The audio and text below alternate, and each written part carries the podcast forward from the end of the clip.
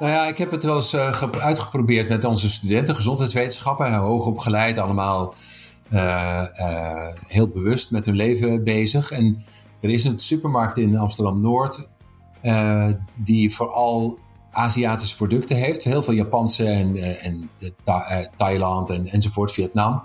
En ik heb ze gezegd, ga nou eens in die supermarkt boodschappen doen. En stonden ze met die pakjes stonden ze te kijken van ja, wat is dit nou? Wat is het nou? Weet je wel? Wat is dit? Het stonden allemaal onbegrijpelijke tekens op. Ik zeg ja, dat is eigenlijk de, het niveau van geletterdheid wat heel veel mensen hebben als je in een gewone supermarkt en jij begrijpt meteen bevat 10 milligram dit en dat, hè, bevat, bevat 25% eh, van de aanbevolen hoeveelheid. Dit bevat zoveel verzadigde vetzuren en dat soort dingen. Ja, dat zegt dus heel, dat is gewoon Japans voor heel veel mensen. nou, mooi voorbeeld.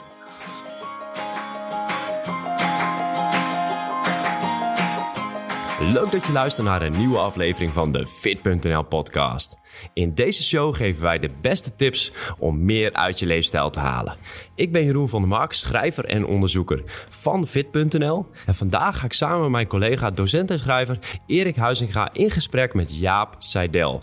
Jaap is hoogleraar voeding en gezondheid aan de Vrije Universiteit in Amsterdam en weet veel van voeding, de oorzaken en de preventie rondom overgewicht en obesitas. En verder is hij betrokken bij diverse maatschappelijke en wetenschappelijke organisaties om Nederland gezonder te maken. En hij heeft diverse boeken geschreven rondom voeding en gezondheid. En we gaan het vandaag hebben over de wisselwerking van geld, marktwerking en de invloed van overheidsbeleid en wetenschappelijk onderzoek.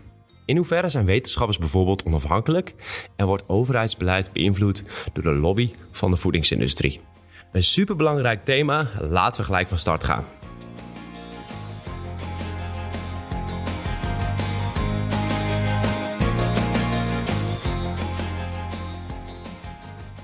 Jaap, welkom in de show. Ja, goedemiddag. Leuk om er te zijn. Ja, leuk dat we het over een belangrijk onderwerp weer gaan hebben. Uh, we gaan het hebben over de voedingslobby, uh, hoe uh, voedingspatronen gevormd worden, wat de invloed van de maatschappij, van de marktwerking is.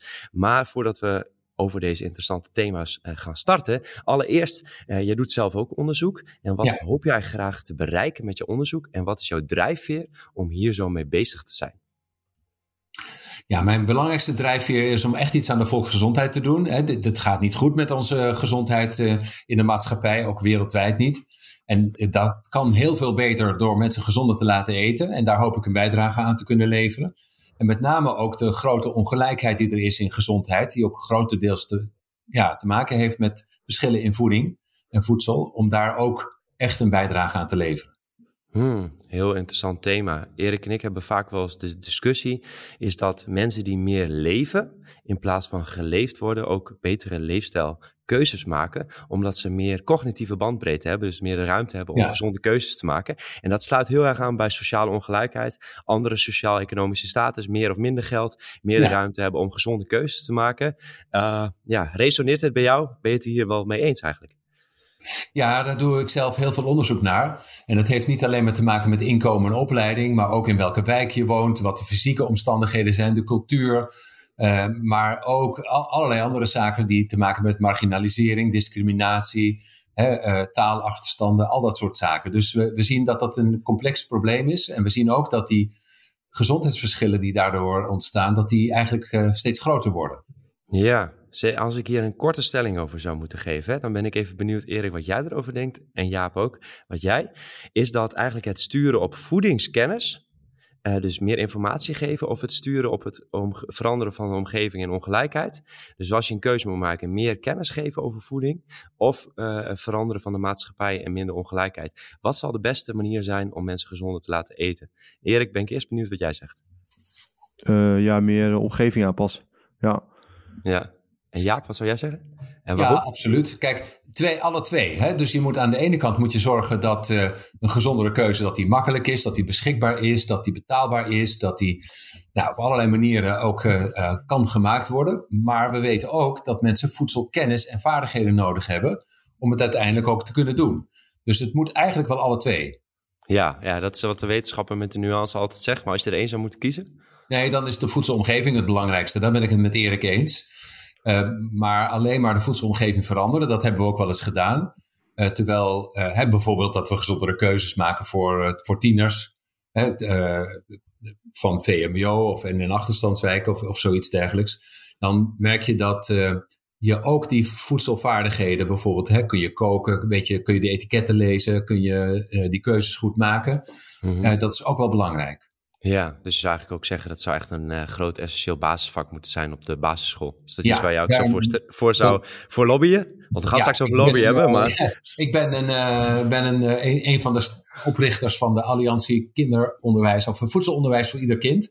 Mhm. En ja, dat gaat er eigenlijk ook om. Hè? Dus kooklessen, tuinieren, um, met elkaar eten op school. Dat zijn allemaal heel belangrijke zaken waar je ja, in je onderwijs eigenlijk ook mee te maken moet krijgen. Ja, ik denk het ook. Ik denk dat er nog echt een enorme kans ligt. We gaan het vandaag ook over marktwerking hebben. En de invloed van de markt, geld op overheidsbeleid, keuzes. Uh, daarom eerst starten we eerst met een brede vraag. Hoe groot is de impact van de voedingslobby op onderzoek? Ja, die is heel groot. Um, dat komt omdat uh, ook de overheid eigenlijk vindt dat ze zelf niet zo'n hele belangrijke rol hebben. En dat als het gaat om het veranderen van ons voedsel, dat dat dan vooral uit de voedingsindustrie moet komen. En um, uh, dat ook het onderzoek wat gebeurt, dat dat eigenlijk ook altijd moet leiden tot meer economische meerwaarde of zo. Hè? Dat is, uh, mm. Je ziet dat in het topsectorenbeleid van de overheid. Dat is ooit eens vier, vijf kabinetten geleden bedacht. Dat, dat voeding is een belangrijke economische sector, hè, de voedingsindustrie, de landbouw in Nederland. En als we uh, als Nederland kennis daarin willen ontwikkelen, moeten we vooral iets doen waar ook wat geld mee te verdienen valt. En dat is wel heel jammer, want dat leidt uiteindelijk niet tot betere gezondheid, maar alleen maar tot meer waarde voor de aandeelhouders van die voedingsindustrie. Ja, en ik, ik, ik, heb, ik heb hier twee gevoelens hierbij. Aan de ene kant is het natuurlijk, wetenschappers zijn onafhankelijk en doen we onafhankelijk onderzoek. Maar ik weet dat ook heel veel consumenten een bepaalde twijfel hebben bij de wetenschap. En uh, dat, we, dat wil ik ook niet aanjagen met deze podcast, want de wetenschap is heel moois. En in Nederland wordt ook heel veel mooi voedingsonderzoek gedaan.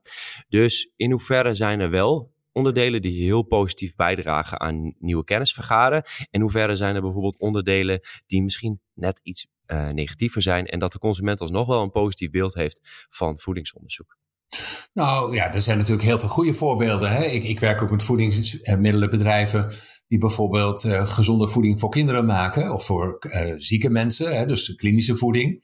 En zonder die industrie kun je dat echt niet voor elkaar krijgen dus voor, voor bepaalde mensen met allergieën of bepaalde kinderen met bepaalde stofwisselingsstoornissen, daar heb je echt kennis voor nodig. Maar je moet ook producten kunnen maken die ook uh, ja, nog uh, uh, op de markt kunnen worden gebracht en gedistribueerd en zo. Dus het is wel heel belangrijk ook dat wetenschap en de voedingsindustrie met elkaar samenwerken.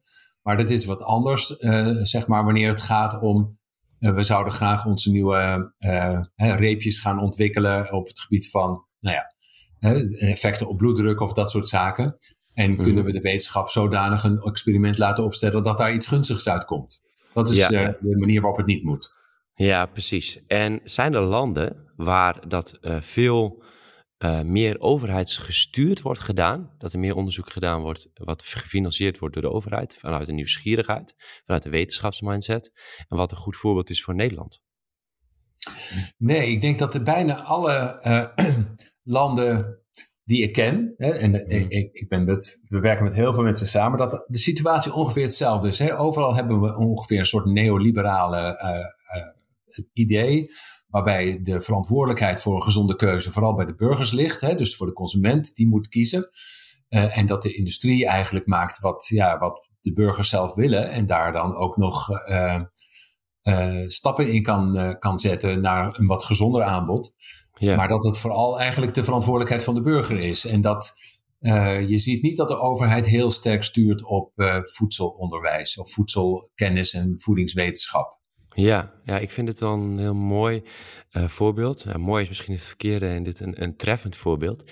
En in een podcast met I'm a Foodie, hele interessante podcast, die zetten we ook even in de show notes, benoemde u eigenlijk dat in het verleden uh, er eigenlijk bijvoorbeeld alleen maar basisproducten waren. Dus laten we zeggen 50 jaar geleden waren alleen maar basisproducten. Eigenlijk je groente en fruit was een groot onderdeel eigenlijk van het gehele voedingspatroon met de granen, de bonen, et cetera erbij. Um, maar er zijn nu, is eigenlijk maar het hele voedselaanbod is misschien wel verkeerd honderd of keer tienvoudigd qua productvariatie. Alleen de hoeveelheid groente en fruit is eigenlijk veel kleiner geworden ten opzichte van alle meer, ja, hoe moet ik het zeggen?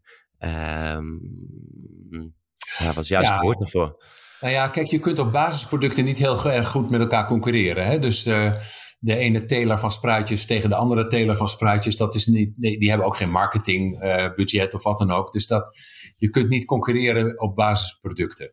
Uh, je kunt wel als overheid dat heel sterk stimuleren. Hè. Er was een tijd dat uh, bijvoorbeeld er heel veel melk en boter werd overgeproduceerd. Nou, dat moest gegeten worden, want anders dan had je een boterberg of een melkplas, zo heette dat dan in, de, in Europa. En toen probeerde de overheid wel heel erg uh, de, de mensen aan, aan de boter en de melk te krijgen. En met Joris Driepinter en zo als gevolg. En dus je kunt ook wel zien dat ook op die basisproducten de overheid uh, de consumptie kan gaan stimuleren, zonder dat dat per se gunstig is voor de gezondheid van mensen. Uh, maar inderdaad is het zo, je kunt veel beter concurreren op allerlei reepjes, op koeken en op uh, chips en op toetjes en op, nou ja, alle dat, dat soort meer verwend producten. En daar is ook de grote variatie in ontstaan. Dus als je naar een grote supermarkt gaat, dan zie je enorm veel soorten soep en je ziet enorm veel soorten jam. Maar je ziet ook 300 soorten toetjes, je ziet uh, honderden soorten verschillende chips en verschillende soorten chocola. Uh, en daar kun je op concurreren. Hè? Dus je kunt. Uh, en dan is die concurrentie vaak op prijs en op smaak en op gemak. Hmm. Dus wie het makkelijkste, goedkoopste, lekkerste product maakt, die wint eigenlijk.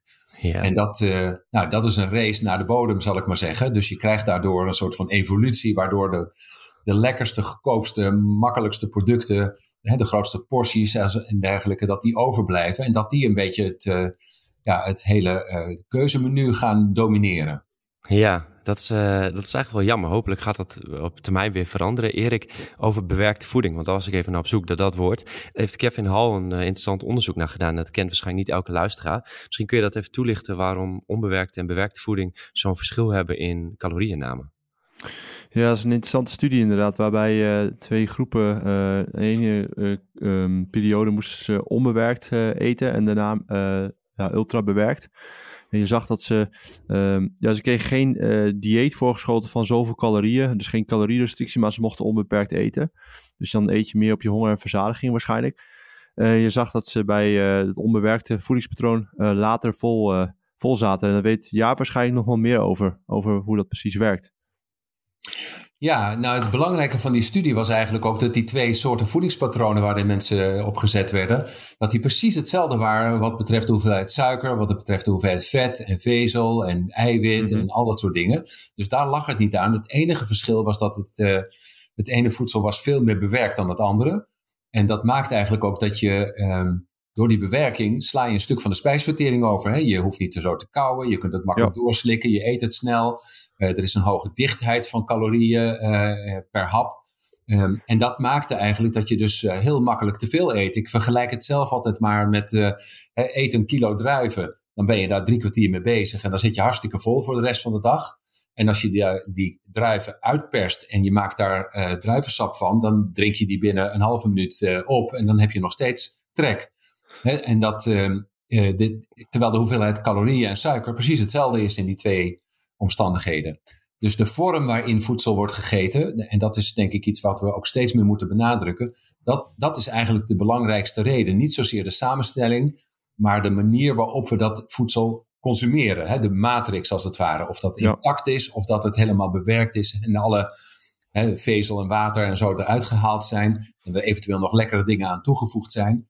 Uh, maar het is, uh, het is vooral de, de vorm waarin we voedsel eten die belangrijk is als het gaat om uh, gewichtstijging bijvoorbeeld. Ja, wat, wat ik dan niet helemaal begrijp. Ik merk best wel veel mensen die heel vaak wel vragen hebben over... ja, het is heel lastig om in een supermarkt gezonde keuzes te maken... terwijl ze dat wel zouden willen. In ieder geval, ja, het is mijn, wat ik dan hoor.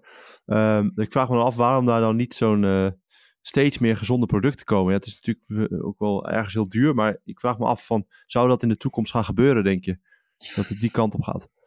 Nou ja, kijk, dat, die producten zijn er wel, maar ze zijn relatief uh, onhandig voor de meeste consumenten. Hè? Dus de, je kunt natuurlijk ook seizoensgroenten kopen en, mm en dat hoeft helemaal niet zo duur te zijn, maar dan moet je wel kennis en vaardigheden hebben om er wat mee te kunnen doen.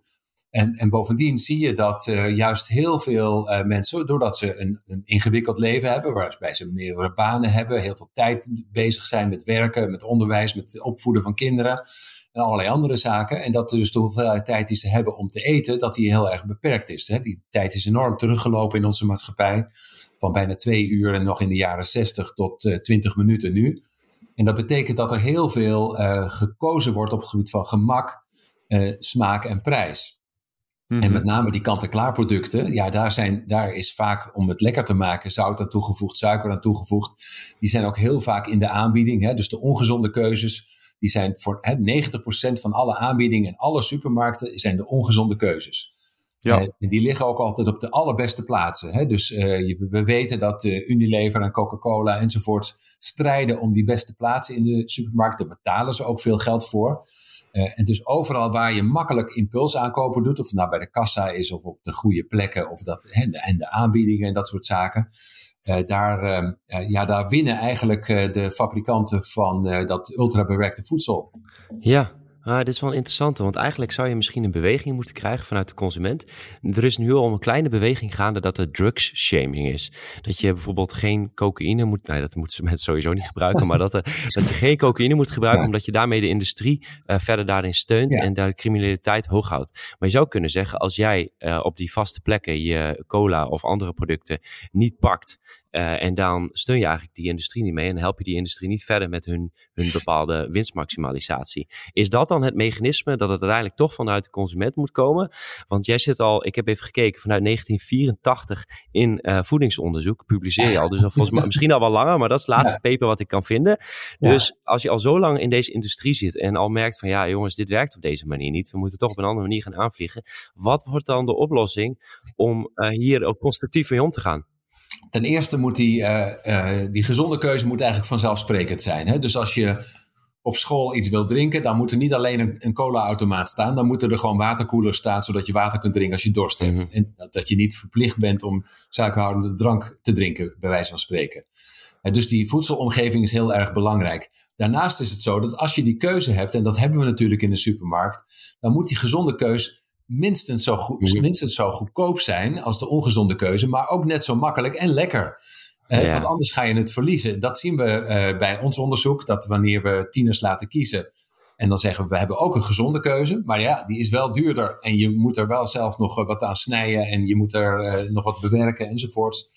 Ja. je moet het nog klaarmaken. En het is ook bovendien minder lekker. Mm Ja, dan ga je het niet winnen. Hè? Dus die, je moet uh, uiteindelijk eh, zorgen dat die uh, alternatieven dat die even aantrekkelijk zijn voor de consument als die ongezonde keuze.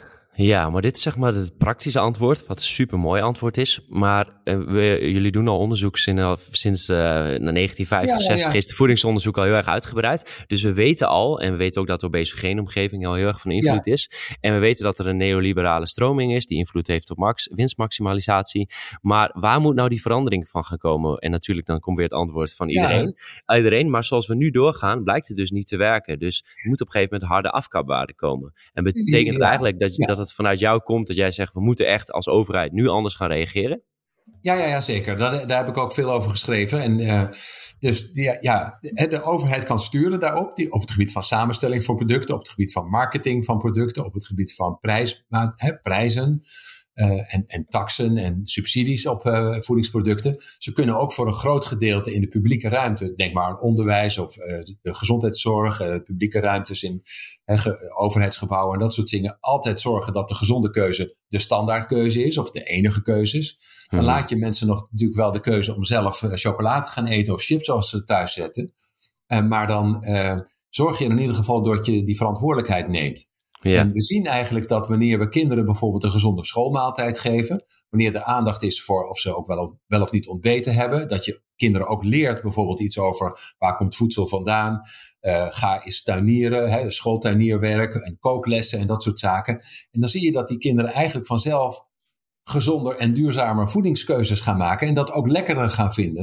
En dat mhm. ze eigenlijk dan helemaal niet zo'n zin hebben in chocola. En dat, ja. kan ook best wel eens een keer. Dus die, uh, ja, kinderen interess uh, uh, voedsel interessant maken voor kinderen. Ja. en ze iets daarover leren en het ook ze laten zien waar het mhm. vandaan komt. dat is heel erg belangrijk om die voedselkeuze te beïnvloeden. Ja, beginnen bij de bron.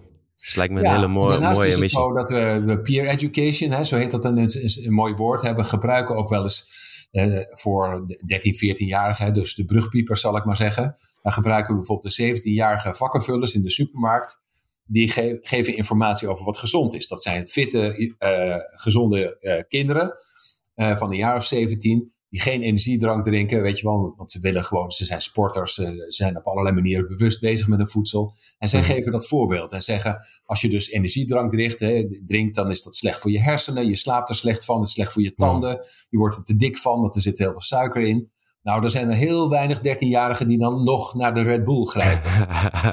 ja, dan moet je wel, je eigen, moet je wel heel je eigen pad uh, kunnen kiezen. Ja, nou ja Max Ja. Verstappen is de grote tegenhanger dan. Hè, dus die, uh, daar win je het dan niet altijd van. Maar ik denk juist dat dus dat soort voorbeelden, hè, waar, waar, uh, waar heel veel mensen hun gezag aan ontlenen. Hè, dus dat, Mhm. dat die, nou, gezaghebbend zijn voor jou. En Mhm. dat is ou- oudere kinderen voor jongere kinderen. Ja. Dat heeft heel veel meer zin om die voorlichting op die manier te geven. Ja. Dan uh, zeg maar overheidssturing te geven en spotjes uh, op de televisie en zo te gaan uitzenden. Want die Ja. hebben niet zoveel effect. Ja. Ronaldo inhuren. Ronaldo is ook zo'n goed voorbeeld. Ja, ja, ja. Ja, kan in één keer kan die een enorm effect hebben. Ja. Ja, dat is heel mooi. Erik, ik weet niet of jij die gevoelens, bij jou die gevoelens ook naar boven komen. Ik heb echt het gevoel, en dat vind ik heel mooi aan eh, jouw werk, Jaap, maar ook hoe jij erin staat, is als mensen tegen een bepaald systeem aanlopen, als ze tegen de stroom inzwemmen.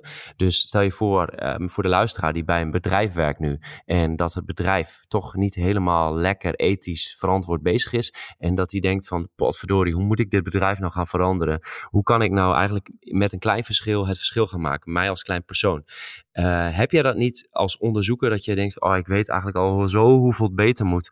Hoe blijf ik nou gemotiveerd en raak ik niet in die cynische modus ten opzichte van Oh. deze hele voedingsindustrie? Of heb je er helemaal geen last van? Daar heb ik niet zoveel last van. Nee, ik, ik weet natuurlijk wel precies eh, eh, wat, er speelt. Mhm. Eh, maar je ziet ook, eh, ik, ik ben eh, adviseur van een aantal eh, organisaties. Eén daarvan is eh, Green Dish en de andere is Question Mark. Question Mark die maakt als het ware benchmarks voor supermarkten.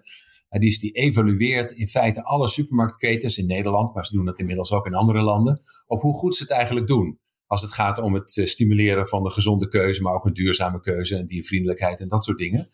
Uh, maar met name die gezondheidsaspecten, die zijn belangrijk. En je ziet dat supermarkten daarnaar kijken en denken, goh, ik, ik bungel onderaan. Uh, want dat, elk jaar komt er zo'n nieuwe benchmark uit en dan wordt er weer vergeleken. En dan zie je dat de Lidl hoger zit dan de Albert Heijn bijvoorbeeld. En dan wil Albert Heijn beter worden. En die gaan elkaar dus een beetje beconcurreren op uh, gezondheid. Daarnaast zie je dat in de politiek, hè, waar, waar ik vroeger niet zo heel veel vertrouwen in had, geleidelijk aan begint door te dringen dat de overheid daar ook echt een rol in heeft. En je ziet dat uh, het is begonnen met het preventieakkoord dat in 2019 gesloten is. Dat was nog een eerste probeersel van staatssecretaris Blokhuis. Die heeft geprobeerd om met alle partijen zeg maar, stappen te gaan zetten. En hoge mm. ambities te hebben als het gaat om het tegengaan van overgewicht en overmatig alcoholgebruik en zo. En um, dan zie je dat die partijen zelf vrijwillig bijna niks doen. He, dat geldt ook voor het akkoord productverbetering, wat de overheid uh, jaren geleden heeft gesloten.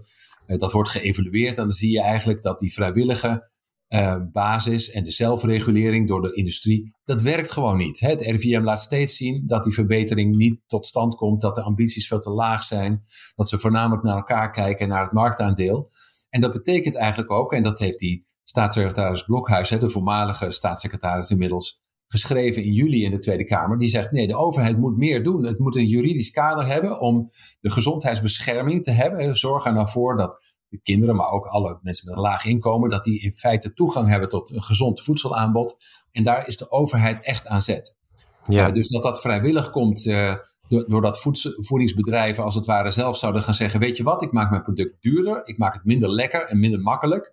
Mm-hmm. Uh, en dan kijk ik helemaal niet naar de concurrenten, maar ik ben gewoon zelf heel integer bezig. Nou, dat lukt, dat gaat gewoon niet gebeuren. Uh, en ook al zou een CEO dat willen, dan wordt hij teruggefloten door zijn aandeelhouders. Hè? Want je verliest ja. gewoon marktaandeel. Ja, uh, dus dat, dat, dat, dat uh, zelfreguleringsmarktmechanisme, dat werkt aantoonbaar niet. Dat hebben we nou heel lang uitgeprobeerd. En de overheid is er nu ook achter. We hebben daar een, een rol in te spelen. En wij moeten zelf gaan sturen op een gezondere voedselomgeving. Dus er zijn allerlei, je ziet dat op landelijk overheidsniveau, maar je ziet het ook in de grote gemeentes. Ik ben zelf heel actief in Amsterdam. En je ziet dat de wethouders ook steeds brieven schrijven naar de overheid, maar ook naar juristen. Hè, zo van help ons nou. Hoe kunnen we die Dunkin' Donuts nou uit de straat krijgen? En kunnen we weer groenteboeren in die straat krijgen? Wat, wat is het juridisch kader om mm. die vestigingen te verbieden? Kunnen we zorgen voor um, ja, een gezonder voedselaanbod op de scholen? Kunnen we zorgen voor een gezonde schoolmaaltijd? Dat soort zaken. Dat speelt dus ook op lokale, uh, lokaal niveau. Er zijn city deals ge, uh, gesloten. Uh, er zijn een groot aantal gemeentes in Nederland die dat hebben onderschreven. En die mm. verplichten zich dus tot het gezonder en duurzamer maken van het voedselsysteem in de stad. Dus dat zijn allemaal, denk ik, belangrijke signalen dat er wat aan het veranderen is. En dat die vrijblijvendheid, die er heel erg lang was, de consument moet het zelf doen en die moet het zelf bewust gaan kiezen. We doen het met voorlichting. Ja, die tijd is echt wel voorbij. Uh, en ik denk dat uh, corona heeft daarbij geholpen. Hè, want je zag in feite dat juist mensen met een laag inkomen daardoor steeds, hè, die zijn minder gaan bewegen, die zijn gezond, ongezonder gaan eten, die zijn meer aangekomen dan anderen. Die hebben meer mentale gezondheidsproblemen gekregen. Die hebben ook meer problemen met corona en, en COVID-19 gehad, hè, intensive care opnames en dat soort dingen. We moeten daar als maatschappij in investeren. En mm. um, ik denk dat, dat uh, die wake-up call uh, dat die heel erg goed gewerkt heeft. En je ziet in het huidige re regeerakkoord, dat net gesloten is, dat er ook heel veel aandacht is voor preventie, voor jeugd, voor gezondheid, hè, mentale en fysieke gezondheid. Meer aandacht voor bewegen en gezonde voeding. Dus, um, ja, dus als je zegt, ben je niet cynisch en pessimistisch? Nee, ik ben best wel optimistisch uh, als het daarom gaat. Uh, en ik denk ja. ook dat er in de maatschappij steeds meer ook dat gevoel is, we moeten met elkaar wat doen. Ja, ja, dit is heel mooi. Ik ben blij. Dat geeft mij ook weer motivatie. Je moet gewoon soms een beetje geduld hebben. Ik zie maatschappelijke bewegingen als een soort van wave-bewegingen, golfbewegingen. Dan wordt het wat meer uh, neoliberaal of commercieel of marktwerking. En dan volgt er wat meer bijvoorbeeld een hippie-tijd met we delen alles. En misschien komt ja. de volgt daarna weer een ander. Dat moet elkaar een beetje bijsturen. En op een gegeven moment nou ja, steeds kijk, bij die balans er is een bewustzijn dat het qua milieu, qua klimaat, qua uh, uh, milieuverontreiniging ook en stikstof en dat soort zaken, maar ook voeding en gezondheid. En dat dat, allemaal met elkaar samenhangt, dat dat niet langer zo door kan gaan. Dat er echt een, een, een ja, forse ingreep in moet worden gepleegd. En dat we daar met elkaar ja, voor staan. En ik denk ook dat het niet zo is dat je bijvoorbeeld geen. Um, markt zou kunnen hebben van gezondheid. Dus dat, dat zie je bij, bij fitheid en bewegen. Je ziet het bij uh, uh, voeding eigenlijk ook. Je kunt ook uh, geld verdienen aan gezonde dingen. Hè? De, ja. Het idee dat dat altijd moet worden gestuurd op zoveel mogelijk ongezonde dingen in de markt te zetten. Ja, dat, dat is iets wat op een bepaald moment niet meer, niet meer werkt. Nee, ja, heel boeiend. Voordat we verder gaan met de aflevering wil jij meer leren over afvallen, gedragsverandering en voeding? Wat is bijvoorbeeld een gezond voedingspatroon en hoe blijf je gemotiveerd? Nou, vind je dit interessant? Wil je daar meer over leren? Meld je dan aan voor onze Fit Premium ledenomgeving. Daarin vind je allerlei handige cursussen over training en voeding met de laatste wetenschappelijke inzichten en een praktisch stappenplan. Gelijk van start, kijk op fit.nl en profiteer direct van al onze kennis, schema's en cursussen. Nogmaals, op fit.nl/slash start vind je alles. Nu terug naar de aflevering. Um, ja, ik ben van een aantal interessante punten ook van um, uh, die sociale ongelijkheid, hè, uh, ja. waar we eigenlijk mee begonnen. Ik, ik, denk, ik merk altijd bij dat heel veel mensen dat lastig vinden uh, om dat te begrijpen. Ja. Hoe dat precies werkt. Hoe kan het nou? Uh, want je uiteindelijk kies je toch ook zelf, maak je keuzes. En hoe kan het dat, dat mensen daar zo last, uh, of dat zo lastig vinden en dan die, die ongezonde keuze maken als het ware? kunt u dat nog toelichten? Ja, ja zeker. En dat is een. Hè, dat, dat, heel veel mensen vinden dat moeilijk. Hè? Dus dat, dat hoor ik ook bijvoorbeeld. Ik was laatst in gesprek met een aantal dokters en die zeiden: Ik snap het niet. Ik maak toch zelf ook die gezonde keuzes. Waarom doen mijn patiënten dat nou niet? Ja, dit ja. precies. Dit is zo herkenbaar. Ja, en dat, dat is. Uh, nou, ten eerste is het zo dat als je kijkt naar de omstandigheden waarin mensen leven. Hè, dan gaat het over een voedselomgeving, het gaat om financiële problemen, het gaat om gebrek aan vaardigheden en kennis. Maar mm -hmm. het gaat ook om allerlei andere zaken, zoals gebrek aan tijd. Uh, en uh, ja, de, uh, en cultu culturele zaken die te, te maken hebben met ja, hoe, hoe, leef je eigenlijk in die maatschappij. Hè? Ik denk een beetje aan het onderzoek wat wij deden met Marokkaanse moeders die op een bepaald moment ook heel erg beperkt waren in de sociale omgeving. En eigenlijk alleen maar bij elkaar op bezoek moesten gaan, mochten gaan. En dat ze daar dan elke keer ook weer als een goed gastvrouw gaf je heel veel te eten. Hè? En als goede gasten probeerde je ook alles op te eten wat er dan aangeboden werd. Dus dat is een manier uh, die uh, van oudsher heel goed werkte. Hè? Je bent gastvrij en je, je, nodigt iedereen uit bij jezelf. Maar dat wanneer het in onze maatschappij gebeurt, dat dat dan heel erg ongunstig kan uitpakken. Mhm. En um, je, dus het is, het, is een, het is ingewikkelder dan alleen maar een zaak van opleiding en inkomen. Het heeft echt ook te maken met de situatie waarin je leeft. En een van de aspecten die daar ook een rol bij speelt, is dat heel veel mensen die keuzes maken uh, terwijl ze chronisch gestrest zijn. Hè? Door armoede, door problemen op het werk, doordat ze niet kunnen rondkomen, doordat het in de, in de opleiding van hun kinderen misschien niet zo heel goed gaat, dat er te veel, nou ja, uh, problemen zijn in hun, in hun maatschappelijke en sociale netwerken. En dat maakt eigenlijk ook die gezonde keuze heel erg moeilijk. Hè? En dat, dat voeg je dan een beetje toe aan het feit dat juist ook die industrieën, hè, dus de fastfoodketens en de, uh, de, ja, de junkfood eh, marketeers, zal ik maar zeggen, ook met name in die wijken gaan zitten. Hè. Dat is een soort van pushje van comfortfood, heel goedkoop, grote porties aanbieden. Omdat ze weten dat juist mensen in die omstandigheden, die mentale omstandigheden met veel stress, armoede en pro problemen, dat je dan altijd gaat voor die ongezonde keuze dus het is veel ingewikkelder dan, dan alleen maar iedereen maakt een bewuste keuze. we maken 200 voedselkeuzes op een dag, waarvan 90% autonoom gebeuren. die, die, worden gestuurd vanuit je brein, vanuit je, lichaam, de, de emoties die er uh, spelen, vanuit de cultuur die, en de automatismes die er zijn. En maar een heel klein gedeelte maken we echt bewust. En dat is denk ik belangrijk dat we ons beseffen dat als je echt iets wil doen aan die gezondheidsverschillen, moet je niet zozeer werken aan meer voorlichting over gezonde voeding, maar moet je eigenlijk zorgen dat die omstandigheden zo zijn dat mensen ook in staat zijn om die gezonde keuzes te maken. Ja, ja en, en het is mooi toegelicht ook. En u, u gaf, ook, u gaf ook aan van uh, dat mensen dan, je kunt voorstellen, heel veel mensen zijn heel erg gestrest ook. Hè? En ik ken het zelf ook wel, als ik heel druk ben, dat ik ja, bepaalde klusjes in mijn huis ook echt geen zin in heb. Uh, dat je dat al heel makkelijk gaat uitstellen. Uh, moet je nagaan als je uh, complexe eetgewoontes moet gaan veranderen. En ook nog misschien nog wel helemaal niet weet hoe je het moet aanpakken. En weinig zelfvertrouwen hebt. Uh, dus ja, dat komt heel ja. goed bekijken inderdaad. Um, ja, en de volgende brug, hè, die wel mooi is om nu te maken van welke inzicht, verschuiving verwachten jullie de komende vijf jaar in binnen voedingsonderzoek? Waar gaat het eigenlijk heen? Nou, er zijn twee van die inzichten, denk ik, die belangrijk zijn. De eerste is dat het, ja, het steeds duidelijker wordt dat onze, onze voeding en gedrag en onze gezondheid vooral door onze omgeving worden bepaald. En dat je dus vooral naar de achterliggende oorzaken van die ja, keuzes en gedragingen die mensen hebben moet gaan kijken. Dat je het makkelijk moet maken. Hè. Ik vergelijk het altijd met zo'n figuurtje. Hè. Gezond leven is een bal voortduwen die je zelf moet doen. Maar tegen, mhm. hoe, tegen welke helling, hoe stijl die helling is, waartegen je die ballen moet oprollen, dat wordt bepaald door de maatschappij door, de, door, het, door de prijzen, door de omgeving, door de nou ja, sociale, culturele, economische en allerlei andere factoren. En daar moet je dus ook aan, je moet die helling lager maken. En dat kan je alleen maar als overheid of als maatschappij gezamenlijk doen.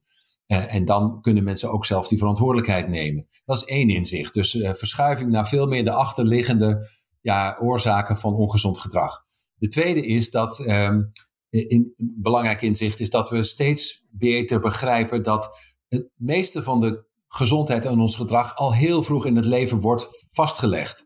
We noemen dat de eerste duizend dagen na conceptie. Dat wil zeggen tijdens de zwangerschap en de eerste twee levensjaren. Daarin wordt voor een groot gedeelte onze smaakontwikkeling bepaald. Ons metabolisme wordt daar afgesteld. Uh, de manier waarop we uh, uh, ja, eh, zeg maar ons microbioom, hè, dus hoe ons maag-darmstelsel werkt, hoe onze nieren werken, hoe ons brein werkt op het gebied van uh, keuzes maken. Ja, dat wordt vooral in die eerste twee levensjaren vastgelegd. En er wordt ook steeds meer aandacht verschoven naar, zeg maar, we gaan bij 50-jarigen die een hoog risico hebben op diabetes of een hartinfarct, ontzettend ons best doen om te voorkomen dat ze die infarcten krijgen. Dat is veel te laat. Hè? Je moet eigenlijk veel eerder beginnen en zorgen dat die gezonde start uh, die uh, mensen moeten hebben, die uh, in feite, hè, als het misgaat op het gebied van uh, metabole ontwikkeling en op het gebied van uh, gedragsontwikkeling en, en, en, voorkeuren en dat soort zaken. En vaardigheden. En motorische vaardigheden worden bijvoorbeeld ook in die eerste levensfase vastgelegd. Ja, dan kun je dat later niet meer inhalen. Dan sta je eigenlijk al met 10-0 achter. En we zien dat de gezondheidsverschillen die we zien in bijvoorbeeld grote steden als Amsterdam, hè, waarbij mensen met een, uh, die het beter hebben, zes jaar langer leven, maar ook twintig jaar langer in gezondheid. Ja. Um, dat die eigenlijk al beginnen wanneer kinderen nog maar in de eerste maanden van hun leven zijn. Hè? Dan zie je al grote verschillen in hun uh, gezondheidsprofielen. Uh, en dan op vijf maanden oud zie je al grote verschillen in overgewicht, in grote verschillen in ja, hè, metabole zaken, leverfuncties uh, en al dat soort mm. dingen. En um, ja, dus het, het steeds meer kijken naar achterliggende oorzaken enerzijds, anderzijds ook steeds meer teruggaan naar van waar in het leven zijn nou eigenlijk kritische periodes en die zitten dus vooral ook in die eerste levensfase, uh, dat je daar dan ook aandacht aan besteedt. En ik denk dat dat twee inzichten zijn die, uh, die veel verschillen zullen maken. Ja, ik heb daar ook een boek over gelezen. Die heeft dezelfde titel. Ik ben even haar, haar naam kwijt, maar dat is een hoogleraar in Amsterdam. Tessa Roosboom, uh, ja. Ja, ja, Die, uh, die lijkt me ook nog interessant te interviewen over dit onderwerp. Uh, Want zij heeft er ook uitgebreid onderzoek naar gedaan. Ja, ja ik werk ook met haar samen. Ik heb trouwens ook een boek daarover geschreven. Dat heet Jong Leren met Voeding. En dat gaat eigenlijk oh. ook over die, ja, die, het belang van, die, ja, van de jeugd, zeg maar. Hè, als het gaat om gezondheid. Ja, die kunnen we ook in de, in de show notes zetten. En ik had ook geleerd bij um, vak uh, toen tijdens de sociologie-studie criminaliteit en veiligheid dat het voor crimineel gedrag, de ontwikkeling, dat de risico uh, dat iemand dat uh, later crimineel gedrag vertoont, dat het ook al in de jeugdjaren je eigenlijk al moet ingrijpen om bij je opvoeding. Hoe, hoe dichter bij je, ja. hoe jonger en hoe kleiner de kans. Ja. ja. Nee hoor, dat klopt helemaal. Dus ja. we weten dat bijna alles als het gaat om grote problemen op volwassen leeftijd, dat die eigenlijk teruggaan in de jeugd. En dat heel veel van de omstandigheden juist in de jeugd hebben gemaakt, hè, uiteindelijk resulteren in, uh, in allerlei gedrag wat we liever niet willen. Ja. En als, en als we nu hebben nu heel erg gekeken, hè, ook van, uh, om de omgeving te veranderen. Hè? Dus gewoon meer uh, ja, de drijvende krachten als het ware neerzetten naar het gezonde gedrag. Maar uh, hoe verwacht je eigenlijk hoe technologie zich gaat ontwikkelen? Zou technologie bijvoorbeeld kunnen helpen dat mensen ook makkelijker de regie over hun leven kunnen nemen en dan over hun gezondheidsgedrag? Wat is uw mening daarover? Ja, informatietechnologie natuurlijk. Hè. Aan de ene kant dat je meer bewuster bent van die keuzes. Hè. Je ziet ook uh, steeds meer dat mensen ook in de supermarkt eigenlijk al die barcodes scannen. Ja. En, en ook bijvoorbeeld hè, bepaalde voorkeuren geven. Je bent bijvoorbeeld voor iets allergisch of je bent. Je moet op het zoutgehalte letten in je voeding vanwege je bloeddruk, of je moet letten op je vetten of de suikers of het gewicht of wat dan ook. Dat je dat als het ware kunt invoeren en dat daarmee ook die, makkelijk je keuzes worden bepaald. Dat kun je bij online shopping eigenlijk al doen. En dan krijg je van, vanzelf al, je kunt dit kiezen, maar gezonder is dat. Weet je wel, op die manier. Uh, en dan voor dezelfde prijs en dat soort uh, zaken. Uh, dat je bijvoorbeeld ook meteen krijgt wanneer je ja, je eigen voorkeuren hè, wat, uh, en, en, en beperkingen, bijvoorbeeld religieuze dingen, halal of kosher of wat dan ook, maar ook allerlei andere voorkeuren kunt invoeren. En dat je daarmee veel gemakkelijker uh, die navigatie kunt doen door zo'n voedselaanbod. Hè, wat 300.000 uh, verschillende voedingsmiddelen zijn er, waarvan er 30.000 in de grote supermarkt liggen. Uh, en ja, dat, dat je dat allemaal met je karretje door zeg maar die voedingsproducten om te draaien en die etiketten te gaan lezen, op basis daarvan keuzes maakt, ja, dat is een illusie. Dat gebeurt niet. Hè, maar wanneer je meer geholpen kunt worden door informatietechnologie, en dat die ook eigenlijk jou uh, beter helpt om in, dat, in die hele jungle zeg maar, van voedselaanbod uh, de gezonde en makkelijke keuzes voor jou te maken, dat, dat gaat zeker een rol spelen, ja. Ja, interessant. En het is ook een belangrijk aspect, is ook het stukje mindset, psychologie. Over dat bijvoorbeeld als je in een hoog risico situatie komt, daar zou misschien technologie ook bij kunnen helpen in de toekomst. Hoe, hoe, denkt u daar eigenlijk over? Dat... Ja, dat, dat, ik, ik denk het wel. Hè? Dus dat.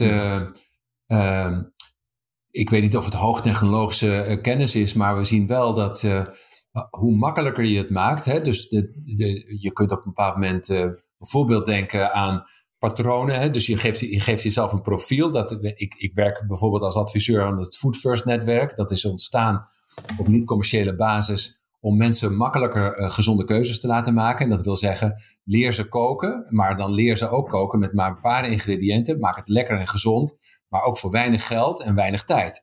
En dan, dan zie je dat wanneer je bijvoorbeeld hoge bloeddruk hebt of diabetes of hart- en vaatziekten of een andere uh, aandoening die iets met voedsel te maken heeft, dat je dat kunt intikken en dat er voor jou dan de goede recepten komen dat je eigenlijk kiest van, uh, nou, dan heb ik die ingrediënten nodig, die kan ik bestellen online bij de supermarkt, die worden dan bezorgd.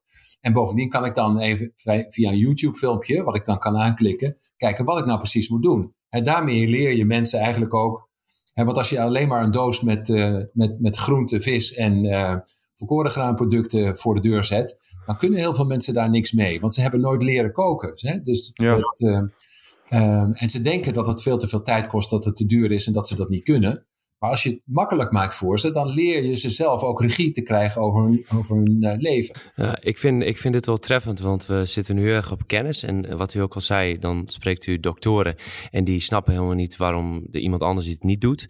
En ik, heb, ik coach dan ook uh, mensen en die dan bijvoorbeeld ook wat meer technisch op zijn geleid of wat meer wetenschappelijk zijn opgeleid. En vooral de wetenschappelijk opgeleide snappen soms niet waarom sommige mensen het heel moeilijk vinden om om gezonde keuzes te maken. Ja. En dan kijk ik altijd van, hey, zijn er dan ook gewoontes die zij moeilijk vinden? Bijvoorbeeld mobiel gebruik. Ja. En, ik, en, en dan pak ik dat erbij. Ik zeg, hey, is dit niet een goed voorbeeld waar jij mee struggelt, waar je eigenlijk wel wil veranderen? Je hebt alle kennis, je hebt alle inhoud, je weet precies waarom je het eigenlijk niet wil, maar toch doe je het. Nou, probeer dit eens nou eens in te beelden en beeld je dan in iemand die moeite heeft met voeding. En dan gaat het belletje vaak ja. wel rinkelen. Nou ja, ik heb het wel eens uh, uitgeprobeerd met onze studenten, gezondheidswetenschappen, hoog opgeleid, allemaal heel bewust met hun leven bezig. En er is een supermarkt in Amsterdam-Noord uh, die vooral Aziatische producten heeft. Heel veel Japanse en, en Tha Thailand en, enzovoort, Vietnam. En ik heb ze gezegd, ga nou eens in die supermarkt boodschappen doen. En stonden ze met die pakjes stonden ze te kijken van ja, oh, wat is dit nou? Wat is het nou? Weet je wel? Wat is dit? Het stonden allemaal onbegrijpelijke tekens op. Ik zeg ja, dat is eigenlijk de, het niveau van geletterdheid wat heel veel mensen hebben. Als je in een gewone supermarkt en jij begrijpt meteen het bevat 10 milligram dit en dat. Hè, bevat, bevat 25% van de aanbevolen hoeveelheid. Dit ja. bevat zoveel verzadigde vetzuren en dat soort dingen. Ja, dat zegt dus heel, dat is gewoon Japans voor heel veel mensen. en, nou, mooi ja, voorbeeld. Je, ja, dus je, je ziet eigenlijk dat die, uh, uh, nou, we noemen dat ook wel voedselgeletterdheid, hè? Dus, en voedselvaardigheden, mm. gezondheidsvaardigheden. Als je die niet hebt, dan kan je eigenlijk helemaal die gezonde keuzes niet maken. Mm, ja, dit is echt een super mooi voorbeeld. Misschien gebruik ik die wel ook wel een keertje om eens te proberen. Um, even kijken, u heeft heel veel boeken geschreven, heel veel publicaties. Voor de luisteraar, welk boek die goed aansluit op dit onderwerp uh, zou de luisteraar moeten lezen van u? Nou, van mij. Mm -hmm. Uh, van mijn eigen boeken bedoel je? Of van de, uh, ja, ja, ja, ja, nou, mijn, laatste is, het, is, is denk ik het, be het, beste, omdat dat eigenlijk veel meer een soort reflectie is op ons voedselsysteem en hoe dat in de toekomst anders moet. Dat heet Andere Kost. Uh, een pleidooi voor gezonder en duurzamer voedselpatroon. Dat, dat, we proberen daar wel eens, samen met mijn co-auteur Jutke Halberstad, proberen we het eigenlijk te schetsen van wat moet er eigenlijk anders op het gebied van beleid, maar ook wat kan je zelf doen. En dat is denk ik de, de beste. Maar als ik zelf denk aan uh, de onderwerpen die jullie nu ook aangesneden hebben, bijvoorbeeld over de invloed van de voedingsindustrie op de, op de politiek en op de wetenschap, dan is er een uh, boek van Marion Nessel, dat heet Unsavory Truth in het Engels. Mm -hmm. Een ongemakkelijke waarheid, zoiets, of een onsmakelijke waarheid zou je het kunnen vertalen. Uh, en uh, ja, dat, dat is heel goed gedocumenteerd over hoe die voedingsindustrie eigenlijk op allerlei manieren het beleid aan het ondermijnen is op het gebied van gezondheid. En ook hoe ze de wetenschap aan het beïnvloeden zijn. Dus dat is een heel goed boek. En het boek wat voor mij het meeste indruk heeft gemaakt, omdat het heel simpel en inzichtelijk maakt waar we mee bezig zijn. Dat is een boek van Michael Pollan. Dat is al, al een oud boek, maar uh, dat heet In Defense of Food. Hè. Dat, dat is eigenlijk een pleidooi voor echt eten, moet je, zo, zo moet je het opvatten. En hij heeft eigenlijk het kortste dieetadvies gegeven uh, wat je kan geven, namelijk zeven woorden. en dat is uh, hè, eat food, echt voedsel. not too much, hè, eet er niet te veel van. En mostly yeah. plants. En dat, is, dat zijn de, de drie aspecten waar we eigenlijk heel veel mee kunnen. Hè, wanneer je eigenlijk zegt, eet zoveel mogelijk onbewerkt, zorg ervoor vooral veel plantaardig te eten. En matig je in, inname, dan is dat eigenlijk het beste advies wat je kunt geven. Ja, ik heb hoor dat de luisteraar en wij straks een heleboel, heleboel boeken moeten gaan lezen. Oh, maar dat nee, dat hoeft niet hoor. Dat, Er zijn ook hele mooie YouTube-filmpjes van die mensen. Ja, Oké, ja, nee, dat is een grapje tussendoor. Hey, uh, en, en, qua podcast, luistert u ook naar podcasts? Zeggen dat is interessant om uh, te luisteren. Heb je daar ook een tip voor? Nou, is misschien een concurrent van, van jullie, maar uh, I'm a Foodie, dat is een netwerk van jonge voedingswetenschappers en diëtisten en zo. Uh, die hebben ook een uh, podcastserie en die zijn echt ook wel heel leuk om te, te volgen. Ja, zeker. Nou, ik zie het echt als een conculega, omdat we samen de strijd ingaan. We hebben in onze vorige aflevering hebben we hun boek ook uitgebreid benoemd. Oh ja. Uh, intuïtief eten, omdat dat dan ook weer een toevoeging ja. is van, uh, van wat wij doen. Dus ik denk dat we elkaar eigenlijk in de branche moeten zien als, uh, als collega's. Omdat er is ook, zijn zoveel klanten. Ik denk dat dat heel mooi is. Dus ik zet het ook even in de show notes. sluiten we af met, met de laatste vraag. Dat is wel een, is wel een je mag één ding zeggen wat u kunt veranderen aan de wereld. Wat zou je graag aanpassen en waarom? Ja, nou ja, dat is mondiaal een voedselsysteem maken wat er is voor de mensen. Hè? Dus uh, hoe zorg je ervoor dat gezond voedsel beschikbaar is voor alle mensen, in plaats dat je probeert te kijken hoe kunnen we zoveel mogelijk voedsel produceren tegen zo weinig mogelijk kosten en zoveel mogelijk consumptie. Hè? Dus uh, uh, van winstoogmerk naar meer gezondheids eh, bewustzijn. Dat is de belangrijkste switch die we moeten maken. Dus als dat veranderd zou kunnen worden, dan kunnen we heel veel meer uh, uh, bereiken. Mooi. Nou, het lijkt me perfect om daarmee af te sluiten. Willen we heel erg bedanken voor de toelichting van de sociologische, maatschappelijke analyse, een stukje voeding meegepakt. Ja, super bedankt daarvoor. Ja, graag gedaan. Dit was de aflevering met Jaap Seidel. Wil je meer informatie? Bekijk dan de besproken links, boeken en artikelen in de show notes. En verder wil je de show een handje helpen? Deel dan de show via social media of laat een review achter via iTunes. Dit helpt ons enorm om hoger in het algoritme te komen en zo kunnen we nog meer mensen helpen in Nederland om fitter te worden. Dus uh, thanks daarvoor als je dat doet. En anyways, bedankt voor het luisteren. Ik zou zeggen, tot bij de volgende aflevering.